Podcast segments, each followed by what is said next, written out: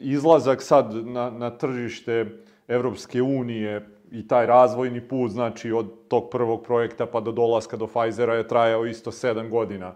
Kako se organizacija u tom trenutku razvija ovde u Srbiji što se tiče proizvodnje, e, što se tiče nekih tih stručnih kadrova uopšte, je, je li problem njih pronaći u tom trenutku za, za, za kompaniju? Nije mi bio problem da pronađem kadar, jer je kadar već prepoznavao firmu u kojoj bi volio da radi. -hmm. Znači, dve stvari su tu bile bitne. Svako od mla, svaki mladi čovek, posebno malo jačih tih tehničkih sposobnosti, je zainteresovan za rad u takvoj firmi, jer vidi već sebe da će biti angažovan na projektima u Belgiji, u Holandiji.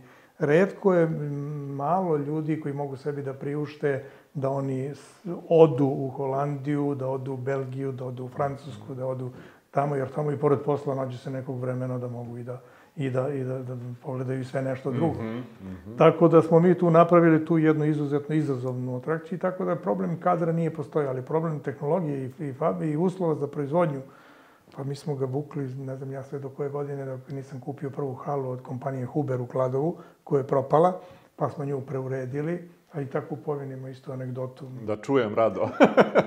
Ugovorili smo veliki posao za Kurdistan sa kompanijom Bram iz Italije, I tu smo e, dobili projekat i sad e, Bram iz Italije rekao FAT opreme pre isporuke mora da bude u vašoj proizvodnoj fabrici.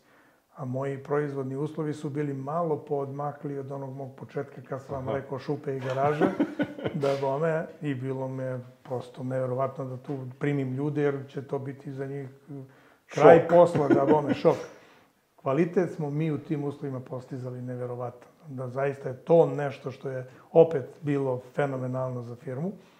I sad Bram odlazi sa mojim Milošem dole, ali mi se dogovorimo i ja zakupim tu u toj fabrici Hubera, koja je bila u Kladovu, proizvodnju nekih reklama, zakupimo, ispraznimo jednu halu, mi prevezemo sve klima komore za, za Brama, izmontiramo, stavimo ih u toj hali, skupimo naše radnike, oni tu pređu i oni tu kao nešto montiraju I sad najveći, najveća anegdota cele priče je što ovi moji nisu uspeli ni da napišu termovent, nego Miloš Urad ulazi sa Italijanom u krug fabrike, a ovi razvlače ciradu na kojoj piše termovent, onako, tek je zatežu. Da.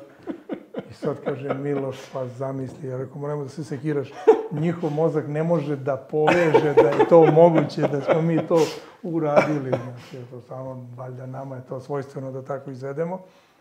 Sve prođe fenomenalno i onda sam ja krenuo da trgujem sa vlasnikom tog Hubera i to je bilo negde u aprilu. Mi, ja sam u avgustu kupio tu fabriku, ušao u kredit sa bankom, Inteza me izuzetno dobro tu ispratila, kupio i krenuo sam organizaciju proizvodnje. Prvo smo slupali sve što nama nije odgovaralo, to je bila potpuno druga namena fabrike, ali je hala bila kao hala korektna, na dobroj lokaciji, preuredili je mi za nas i tako dalje. Mm -hmm. E, onda se dešava ono što je za mene možda jedna od najbitnijih prekretnica, za to mogu da kažem slobodno da je to moj najveći životni uspeh. To je da sam dva sina uspeo da izvedem na put i da postanu izuzetno dobri menadžeri, dobri inženjeri, u prvom redu dobri i korektni ljudi sa saradnicima i uopšte u svom mm -hmm. životu. I mislim da pored svih aviona, kamiona i ovoga što ja pričam kad prepričavam šta se radi, mislim da mi je to jedan mm -hmm. od najvećih uspeha. Njih dvojica su završili mašinski. 2001. mi Jaš Andrija ulazi u fabriku, u firmu i počinje već da polako ja sebe rasterećujem tih nekih obaveza, delegirajući to na njih onoliko koliko je to moglo.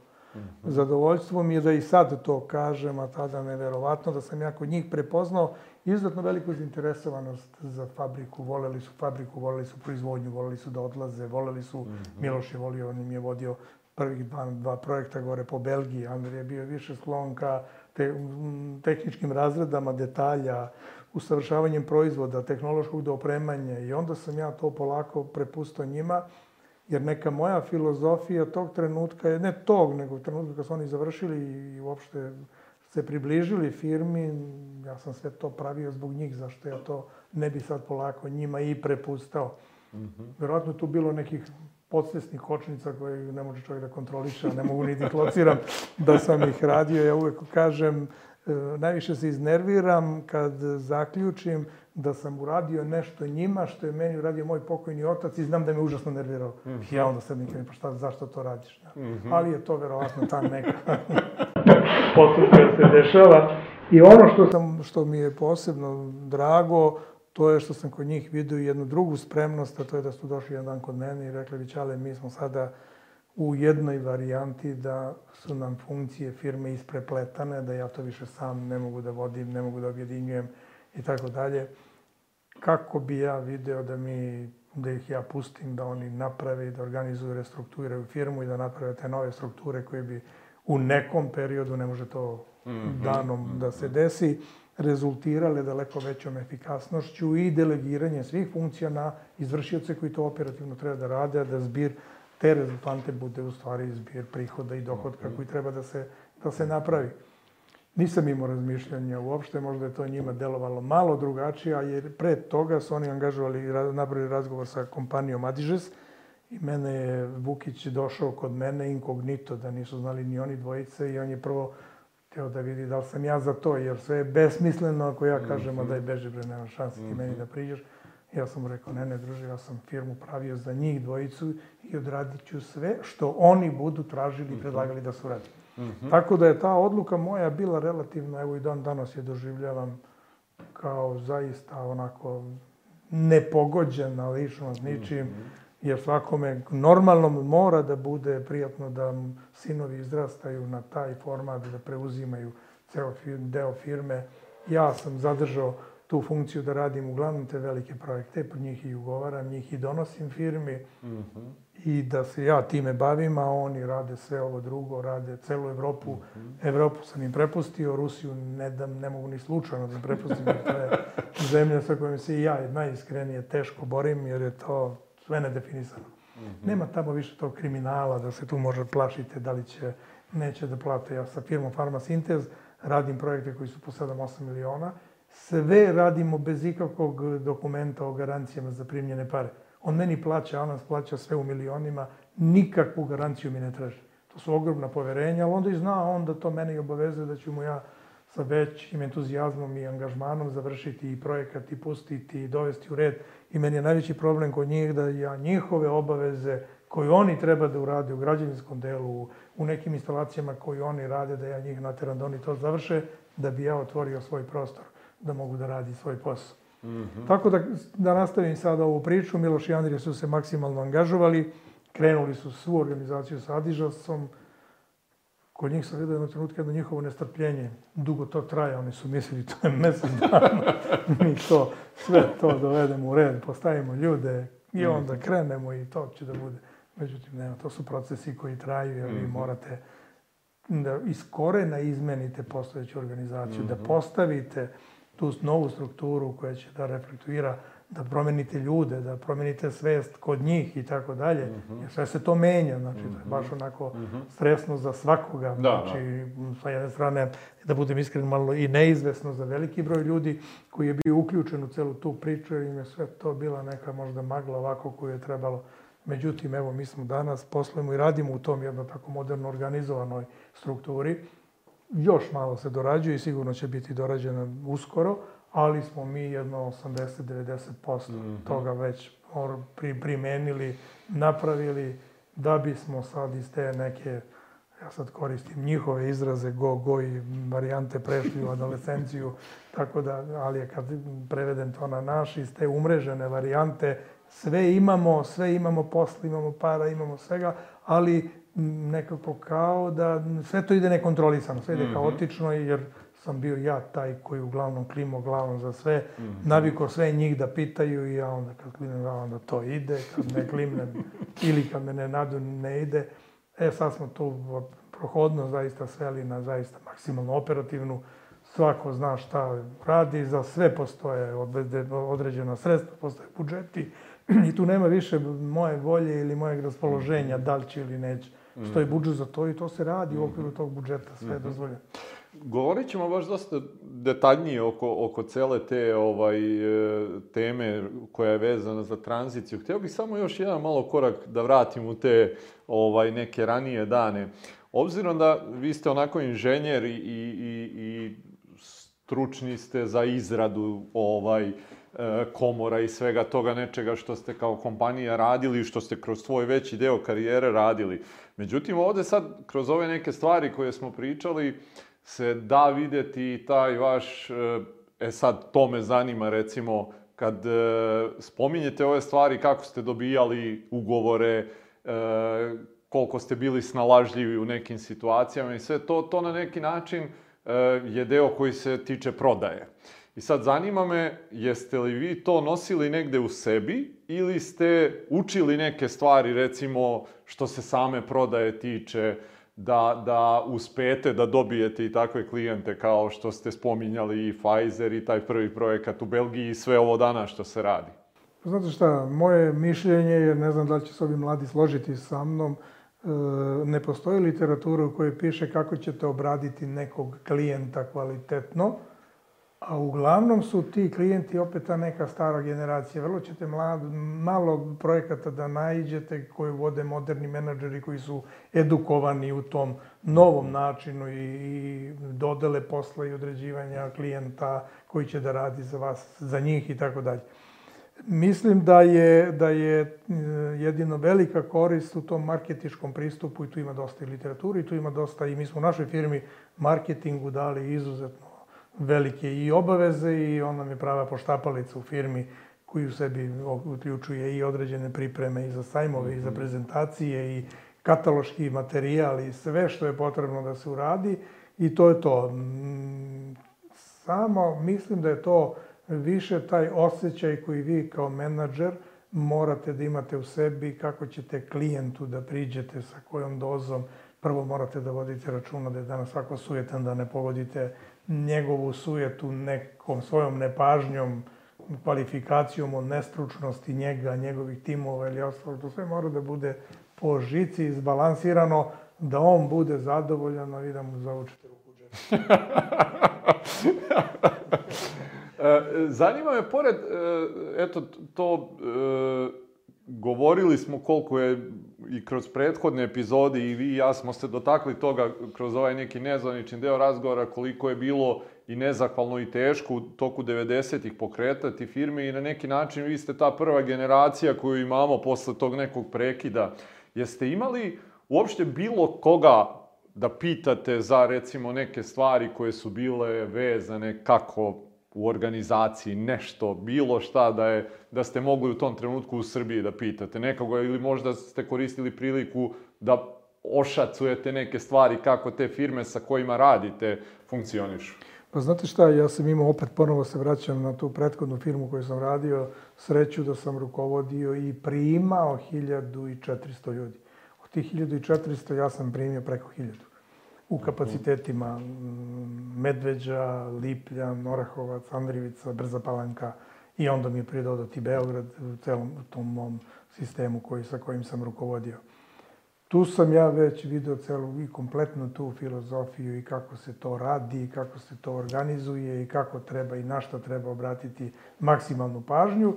I onda sam to sve bio i prinuđen da maksimalno iskoristim i ovim mojim mm -hmm. dosta, dosta suženim uslovima u kojima sam ja to mm -hmm. kretao i pokretao. Mm -hmm. Tako da neka, neku veliku potrebu za pitanjima i za...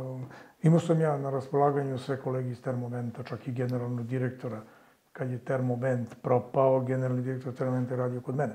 Ja sam ga primio i radio kod mene ono dve, tri godine. -hmm. I tako, tako da smo mi svi bili u odličnim odnosima, da se ja mogu da odem i da se iskonsultujem i sa njim i sa svima, da vidim mm -hmm. šta on misli i tako dalje. Mhm. Radio sam to par puta, ne, ne, ne, da bio bi nekorektan kad to ne bi rekao. Možda nekad i više da proverim taj mm -hmm. svoj osjećaj Sebe. i pravac u kome se krećem i razmišljanja u, i za odluku koju treba da donesem.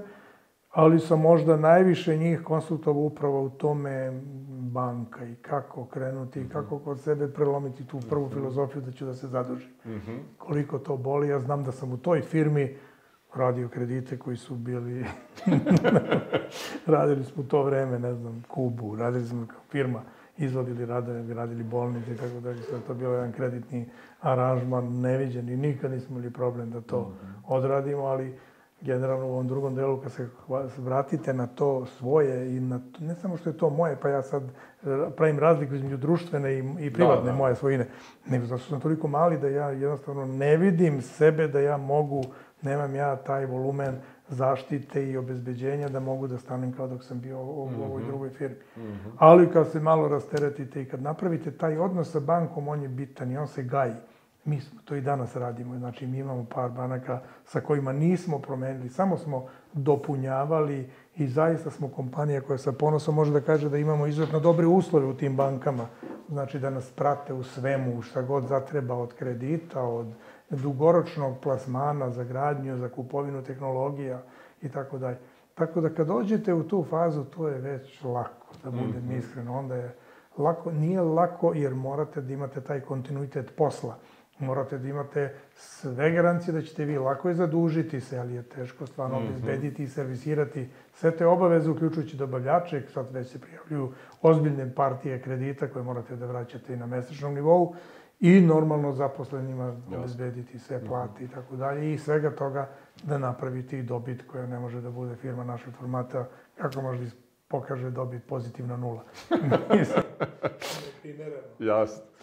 Kad, kad govorite o tim odlukama, koliko je bilo, kad ste ih donosili, šta je bilo presudnije, neka intuicija ili analitika?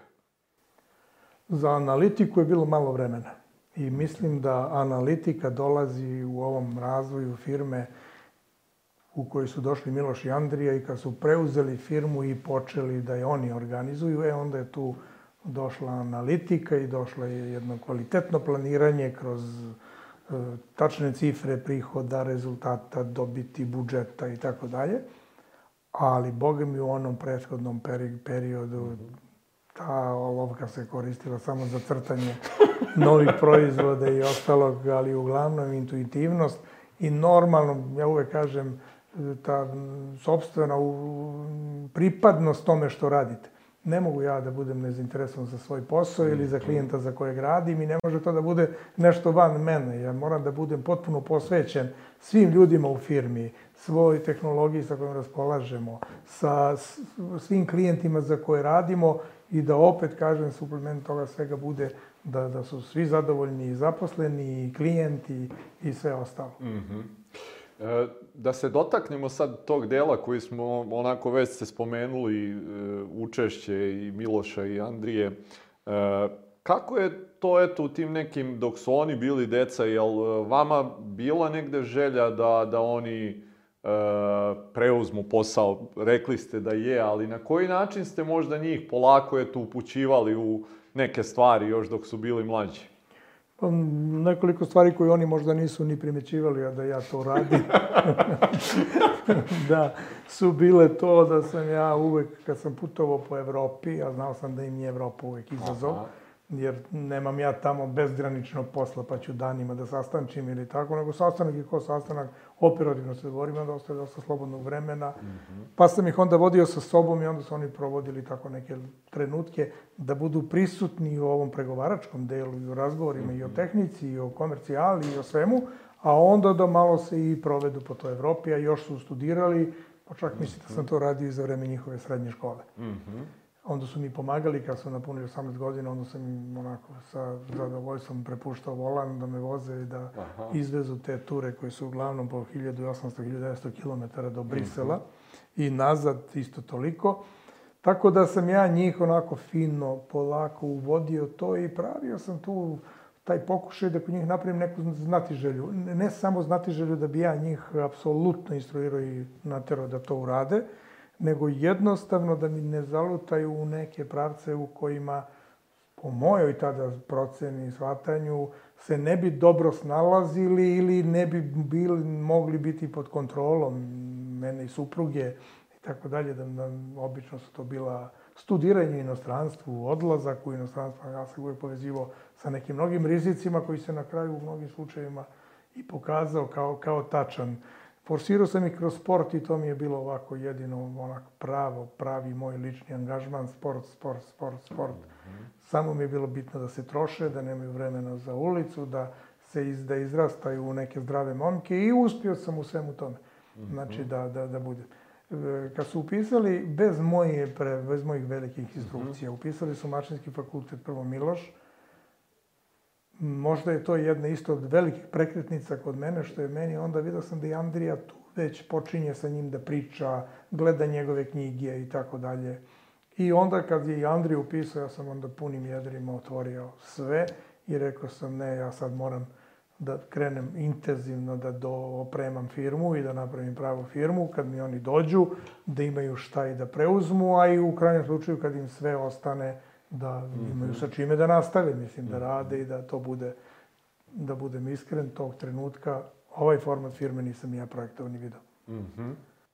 E, kad je došlo eto do toga do, da su njih dvojica došli kod vas da kažu da imaju neku svoju viziju ovaj kompanije, e, šta se dešavalo dalje? Pa znate kako, ja ponovo podsjetim malo pre, Vukić, vlasnik, Mhm. je bio već sa mnom i obavio razgovor bez njih. Možda su oni imali dogovor da on dođe da mene pita, pa da onda samo oni nastave. da, sad ja to, ali nisam to analizirao, niti sam Dobro. Znači, okej. jednostavno sam rekao, ne, bori se, ovo je njihova firma, molim te, angažuj se, dogovori se sa njima, nećeš sa mnom da se dogovaraš, jer ja nemam vremena za to, jer sam stvarno imao nekoliko ozbiljnih projekata u Rusiji koje sam ja vodio, jedan u Bratsku, drugi u Irkutsku, a to su daljine tamo neviđene. I, ali rekao, sa njima sve što treba računajte na, na, na mene. Ja sam umeđu vremenu pre toga promenio vlasničku strukturu firme, upisao sam njima po 30%, ja sam zadržao 40%, i to nisu shvatili zašto sam tako to uradio. Zašto ste uradili? Pa je zbir 30 i 30 je uvek veće od 40. Znači njih dvojica moraju da budu uvek zajedno da bi doneli odluku ako sam ja protiv. Mogu uvek da me pobede. Ali ako se oni dvojica klackaju, svako moje priklonjenje jednom je ta većina koja jednog od njih eliminiše. A da ne bi njih, oni jedan od njih bio eliminisan, oni su dvojicu uvek trebali da budu zajedno. I tako je to i funkcionisalo. I, to je bio razlog zašto sam baš u tim procentima. Meni baš briga da sam ja bio 30, meni to ništa sad ne znači. Sa, od, sa odlukom da sam sve radio za njih i da sam sve pripremio da oni to naslede. Kako su bile neke stvari prve koje ste vi možda puštali ovaj, da, da više nisu deo vaših obaveza, nego da oni to polako preuzimaju na Da, sebe? pa možda mi je bilo neka, neke promene koje su radili u neposrednoj proizvodnji, možda mi je to bilo jer ja sam živio sa to proizvodnjom. Moje lično zanimanje je bilo Mhm. proizvodnje jer sam sve ove fabrike koje sam gradio, ja sam osposobljavao ljude, a tako sam i u moje proizvodnje. Proizvodnja je već rasla. Ona je u toj fazi kad, o kojoj sada pričamo već imala negde 80-90 zaposlenih. Nije to mali broj ljudi Mhm. sa kojima je trebalo i rukovoditi, a je plus u proizvodnji gde sam ja bio stalno prisutan jer smo završavali ogromne projekte, oprema, proizvodnja, kvalitet i tako dalje. E sad mi je to preuzeo da radi direktor proizvodnje. E, ja sam morao da uradim nekoliko stvari. Prvo, nisam smeo više da se tamo toliko pojavljujem, jer bi njegov uticaj i autoritet apsolutno ugrozio. Oni su svi navikli da rade sa mnom i oni su svi za mene će da, ako treba, ostanu i pet smena da rade spojeno, ali da se ja sad tamo pojavim i da ja sad presecam ili ovo sklanjam, onda sam morao da se dislociram i distanciram od cele te priče proizvodnje, da se pojavim povremeno, ajmo na pivo, idemo na piće posle posla, ali ne nikako da učestvujem u, u, u tome. Sem kad se negde ne zaglavi debelo, onda... Je li bilo teško maći se, vama lično, mislim? Pa ne mogu da kažem da to prija. Znači, ali je... Uvek je meni u podsvesti bio, bio taj osjećaj da oni ne prave grešku, njih dvojica, da se ide dobrim putem i da je moja inicijalna varijanta bila da ja to sve napravim za njih. Šta će to meni, kao meni, da ja to zadržim do koje kraja? Bi pitanje možda samo kad bi to krenulo sa takvom organizacijom u potpuno suprotnom pravcu i da polako počinje da se davi. Ta njihova spremnost da uđu u nešto novo i da razvijaju taj novi projekat, nove strukture i da to postane daleko efikasnije, fleksibilnije, prilagodljivije i da se delegiraju teret, jer najbitnije je rasteretiti čoveka svih tih obaveza.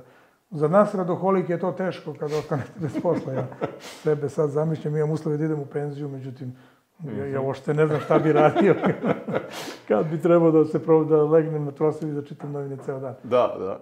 Je li bilo možda straha u tom trenutku kad, kad e, je doneta ta odluka?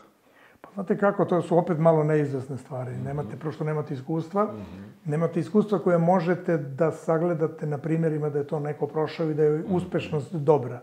Znači, ili pa možda naša pripremljenost i obuka da znamo o takvim firmama da su prošli i da su sada vrlo uspešne, je bilo slaba, bar moja lična. E, ne mogu da kažem da nije bilo straha, ali sam ja opet ono, kažem, upornost, upornost, upornost sigurno pobeđuje. Ja se nikad nisam plašio da ćemo se vratiti sa nadograđenim onim mojim prethodnim delom i da će to biti bolje. Ako sam ja sam uspeo da to sve držim, vodim i da dovedem do neke te faze da svima je bilo dobro, sve je dobro, relativno dobro radilo, onda mi je sigurnost bila dosta velika da ćemo sa tim, ajde da kažem, nekompletnim, ali neka budu i delibičnim modifikacijama sigurno uspeti. Oni su zaokrenuli firmu 100%, znači tako da nije bilo delimično, nego potpuno. Tako da... Kad e, je došlo već da, da ulazite u, u, u taj proces tranzicije i generalno govoreći, šta su možda neke životne i poslovne lekcije koje ste se trudili da prenesete na sinove? Da, imao sam nekoliko, nekoliko stvari, a to je, prva je bila upornost. Znači, morate da izdržite, morate da istrajite, nemojte da pokleknete, imaćete prepreka koliko god hoćete, što zakonski, što e, koje kakvih, sada da ih ne nabrajam sve, ali sami znate da u tom poslu se uvek toga ima na sijaset i to ne može da vas pokoleba da, ne, da stanete i da odustanete. Morate, ako ste kreirali i videli da je to dobra ideja i dobar pravac, mora da se istraji, mora da se pobedi rezultat toga se i pokazao da je njihova upornost bila dosta velika i da su oni na tome uspeli. Onda rad sa ljudima i kadar, i, kadrov, i održavanje kadra, to mi je bila, to mi je i dan danas, ja to svakome kažem i svakome savjetujem, a posebno njima. Sa ljudima morate da radite, sa ljudima morate da se družite, sa ljudima morate da imate odnos i ne sme kadar da vam odlazi. Jer zamislite kad mi primimo mladog čoveka i u njega uložimo sad neke velike pare za edukaciju, pa dobije šansu da ode Belgija, Holandija, pa putovanja, pa provođenje tamo, pa dnevnice, pa tako dalje. On dođe i onda ima već CV u koji je upisao e, sve velike značajne evropske objekte. On je na berzi viđen za svakoga kao interesantna ponuda. Da se to ne bi dešavalo i da on nema potrebe da, da, da, da piše svoj CV i da ga stavlja na portal za, za, za nuđenje, moramo da mu obezbedimo uslove, sve što mu treba. Kupite im kola, kupite im sve što treba, računare, koji god postoje da se kupe za njih, a njima potrebni.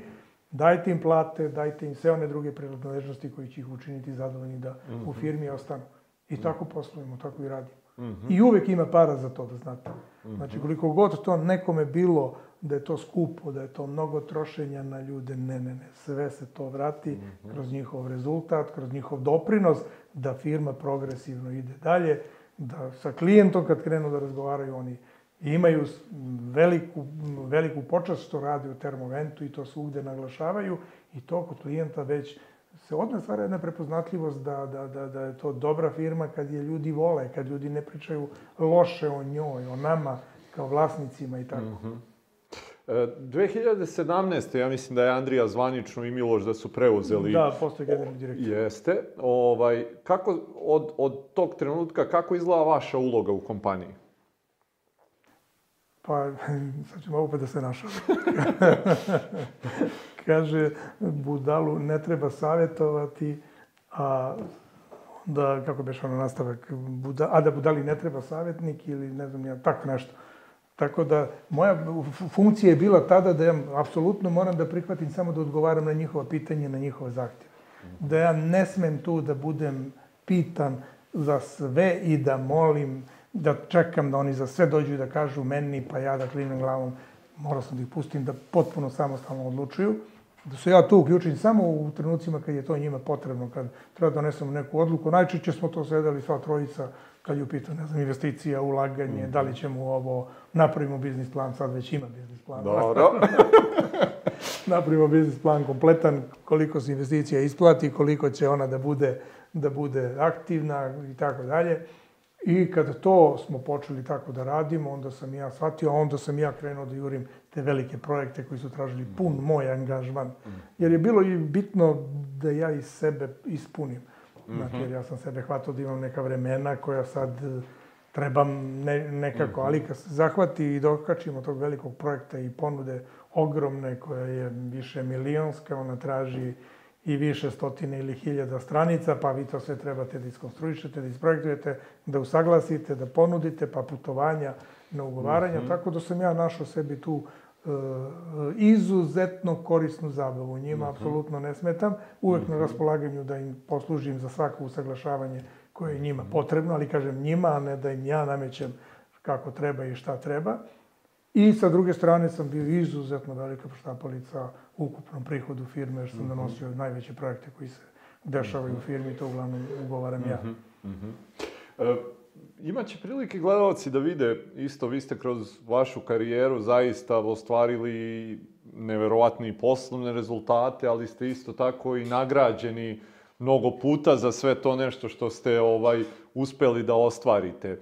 I e, spomenuo sam već u nekom onom uvodnom delu da ste proglašavani za najboljeg menadžera i e, ovde od strane Privredne komore i od strane Ersten Younga za najboljeg preduzetnika godine 2016. Predstavljali ste u Monte Carlo Srbiju na, na, na tom eto, manifestaciji za najboljeg preduzetnika sveta.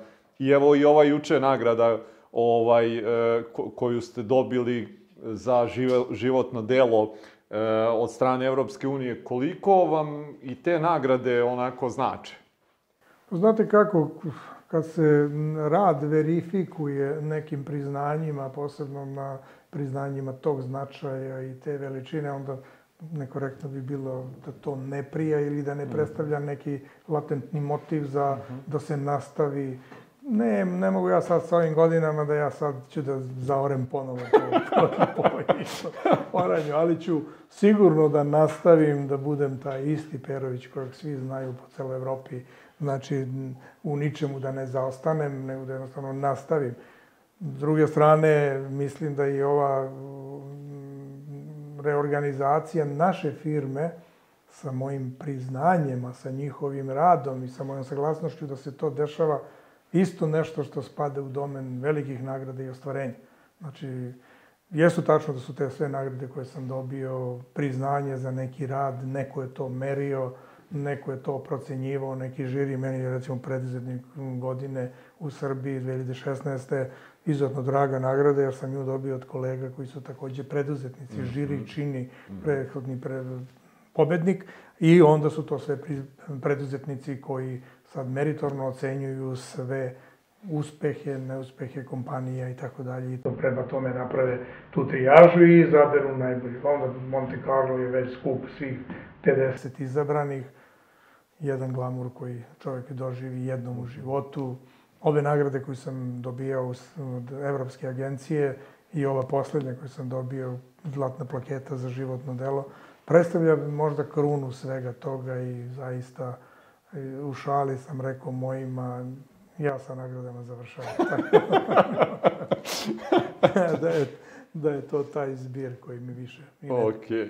E, da se dotaknemo malo kroz ovaj razgovor, dosta sigurno pametnih i životnih i poslovnih stvari su gledalci mogli da čuju do sad kroz, kroz vašu neku životnu priču. Ali ako biste morali sad da sumirate onako neke savete za mlade, mlade preduzetničkim duhom, odnosno stažom, da to tako kažemo, koji su tek možda negde tu da započnu ili su započeli svoj preduzetnički put. Šta je to što biste im onako dali vi nakon evo 27-8 godina u, u privatnom poslu? Šta su neke stvari koje biste im rekli i dali kao savet? Pa evo, ja to sad zaista mogu da meritorno kažem jer sam prošao sve te faze od skromnih uslova od kojih svako počinje, teško ko da ubode dobitnu kombinaciju i da kao preduzetnik krene sa ne znam ja sve čime. Ali osnovno je da moraju da se maksimalno presaberu i da kažu da ja u ovo idem i onda nema odustajanja. Nema, hoću pa godinu dana neću, pa onda hoću ili neću. Zašto to ne raditi je samo razlog što vozovi prolaze. Ako se ne zakačite sa programom u kompoziciji koja je brza, ili uhvatite pogrešan voz, svaka stanica je pogrešna, znači nema tu priče. Znači mora da se to radi u tom trenutku i treba dosta hrabro i sa dosta želje konsultovati sva tuđe iskustva i konsultantske firme čak za program koji tog trenutka treba da se radi. Bitne su program, bitna verifikacija, tržišna verifikacija programa koji će da se radi, ne može to stoprocentno da se isprojektuje i sagleda posebno tim njihovim uslovima, ali svaka neka velika pomoć iskusnih ljudi koji su to preživeli mogu da mu kažu, ja, slušaj, e, ostavi to sada, kreni u ovom pravcu. Mislim da treba njihovo, njihov smisao i ideja da se bazira na jednom povezivanju sa većim sistemima. Jer kad se vi povežete sa solventnim i dobrim sistemom, imate neke, nekoliko sigurnosti, upošljavaće vas da možete da krećete polako, da se pomerate plaćat će vas redovno jer su solventne firme, ne duguju nikome, pa što bi, što bi njima. Upornost i istrajnost je nešto što isto mora da bude apsolutno kod njih, da ne pokleknu na prvom porazu, na prvom izgubljenom poslu. Pa ja kad bi merio koliko sam projekata ponuda dao i koliko je bilo neuspeha i razočarenja, ali nikad nisam stao, ne, ne, ne, ja ću na jednu da idem ponovo ako treba, ali neću da odustanem. I to su neke stvari koje oni moraju da budu spremni, da moraju da znaju da će ih čekati na trnovito putu do neke faze. Kadar i osposobljavanje timova koji će sa njima to zajedno da rade je nešto što mora isto da se radi. Ne može jedan čovjek, jedan men da bude za sve. Mora da imate toliko znanja da biste krenuli sami i da pokrivate neke stvari. Mora to da bude mali timić, neka to bude i dvoje, troje i petoro, ali mora da postoji i to mora da se napravi od tako dobrih ljudi koji su spremni da sve to shvate i da imaju strpljenja da sačekaju da ta firma polako stasa. Ovo se ne dešava preko noći. I ovo nije kratkotrajan proces, ovo je proces koji traje. Ako se dobar proizvodni program uhvati i definiše, onda to kraje traće. Onda taj program i prodaja nosi firmu i ona se razvija daleko brže ali je najčešći slučaj da se u programima luta, da se traži, pa dok se ne zakači ta kompozicija koja je dobitna, e onda to, to potroši neko vreme, zato treba tim, zato trebaju ljudi. Neki da pregovaraju, neki da crtaju, neki da razmišljaju kako praviti, praviti sve te kontakte i tako dalje. Mhm. Ne odustati, napraviti tim, napraviti kadar, biti spreman na velika žrtvovanja, ne može radni dan da traje 5 sati, 7 sati, pa ćemo da idemo teretana ili ne znam ja šta toga, u ovom početku nema, verujte mi. Treba se baviti, treba imati dobro zdravlje, ne trošiti to sve na, na taj posao, jer on nije jedino, jedini motiv celog života, ne zapostavljati porodica, ali Boga mi i porodica trpi u tim uslovima svakog početka. Mm -hmm. I moja je to radila isto. Mm -hmm. Nisam bio sa sinovima onoliko koliko bi trebalo, Sad zato ja sam sasvim, sasvim zahvaljan. da nadoknadite da, taj da, deo, da. Da, da. E, I tako. Hteo bih, pored ovih saveta isto koje ste dali za, za eto, te neke početnike u, u biznisu, pošto ste merodavni svakako i za taj deo koji se tiče e, sledeće neke faze u koju sama firma ulazi, odnosno tranzicije sa, kod nas je to i dalje prva na drugu, nemamo još uvek nekih onako mogućnosti da, da, da razgovaramo sa, sa kompanijama gde je ta e, tranzicija i na treću i dalje.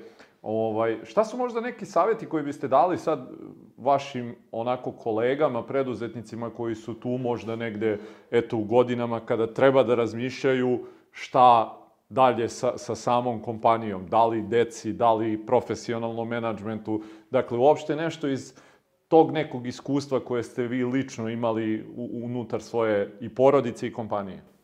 Pa dobro, ja sam imao sreću da mi je porodica bila apsolutno priložena našoj firmi, našem programu, našem razvoju i ja sam definitivno sve podredio po porodičnim dogovorima i organizaciji firme u tom porodičnom pravcu. Da tranzicija bude sa mene na njih, sa njih na moje unuke, je moje želja, ali pitanje realizacije daleko je i šta će se sve dešavati. S jedne strane i sa, sa druge strane e, profesionalni menadžment je takođe pravo rešenje. Mm -hmm. nešto što se greši u postavkama svih nas preduzetnika, to je što mi imamo apsolutnu averziju prema konsultantima. Ne želimo da angažujemo konsultante, sve misleći da su to oni koji će samo da nam uzmu pare, a u stvari je suština što mi sebe nismo e, dovoljno instruirali da znamo šta nam treba od konsultanta, od njega ćete vi sve dobiti ako znate šta tražite i ako postavite cilj i pravac u kome on treba da vas povede i da vas iskonsultuje. Žal, ne može konsultant da dođe i da sad sve nama da i da kaže e, vi morate, trebate ovako, nema, ne, mi nismo se izjasnili ni o čemu. To je prva, prva stvar u kojoj se prave greške i svi misle da je to skupo. Ja i dalje mislim da to kod nas nije skupo u odnosu na neke evropske formate, ali da je izuzetno korisno to da mi smo uspeli, mislim da su to posebno Andrija i Miloš radili, a i ja sam to radio isto, da sam angažovao određene konsultante koji, sa kojima sam sedao, pa smo posebno financijama pričali, ja nisam imao financijskog direktora, pa sam ja onda morao i taj format da dobro prepeglam, pa šta s parama, pa šta bez para, pa mm -hmm. kako to premostiti i tako. I, kažem, profesionalni menadžment je nešto što ne treba se lomiti ukoliko ne postoji nasledstvo i naslednici koji su zainteresovani. Imate mnogo familije i porodica koje nemaju naslednika koji je zainteresovan za nastavak biznisa, jednostavno ili krenu u nekim drugim pravcima ili završi u nekim drugim delovima sveta i onda se tu sada vlasnik ubija lomeći, a nemogućnost da bilo šta operativno napravi. Profesionalni menadžment to gleda daleko komotnije, slobodnije, ne, ne neobaveznije, zato što nije njegov, pa on sad može da... Nego jednostavno su to profesionalci koji rade za pare i za platu i imaju obaveze da naprave toliki prihod i toliki dohodak i ja ne znam šta bi drugo postavljao čoveku kao zadatak. Mm -hmm. Dušane, e, mislim, evo, dva sata skoro ovaj, razgovaramo i verovatno bi mogli još ovako jedno dva, obzirom na vaše iskustvo i na svo znanje koje imate. Ja stvarno želim da, evo, i da kažem gledalcima, znači, uspeli smo da ugrabimo u ovoj nedelji, vi ste došli iz Rusije, pa smo uspeli da uglavimo ovaj dan, danas, sutra već letite nazad. Stvarno hoću od srca da vam se zahvalim, prvo za vreme odvojeno da, da se vidimo. Hvala vam na svemu što ste podelili ovaj, danas sa nama, hvala što ste izgradili jednu kompaniju koja, kažem, eto, već sam to rekao i prošli put sa Andrijom kad sam razgovarao, koja stvarno može da služi primer svima kako jedna kompanija može da se izgradi i da postane svetski poznata u tome što radi i Srbije, dakle, nije nikakva prepreka, da. jeste da ste morali da obijate, mislim da je to danas mnogo lakše, baš zahvaljujući firmama kao što je vaša koje su ostavile, dobru reputaciju i dobar trag negde da više se ne gleda Srbija na neki način kao što se gledalo u vreme kad ste vi morali da, da izlazite.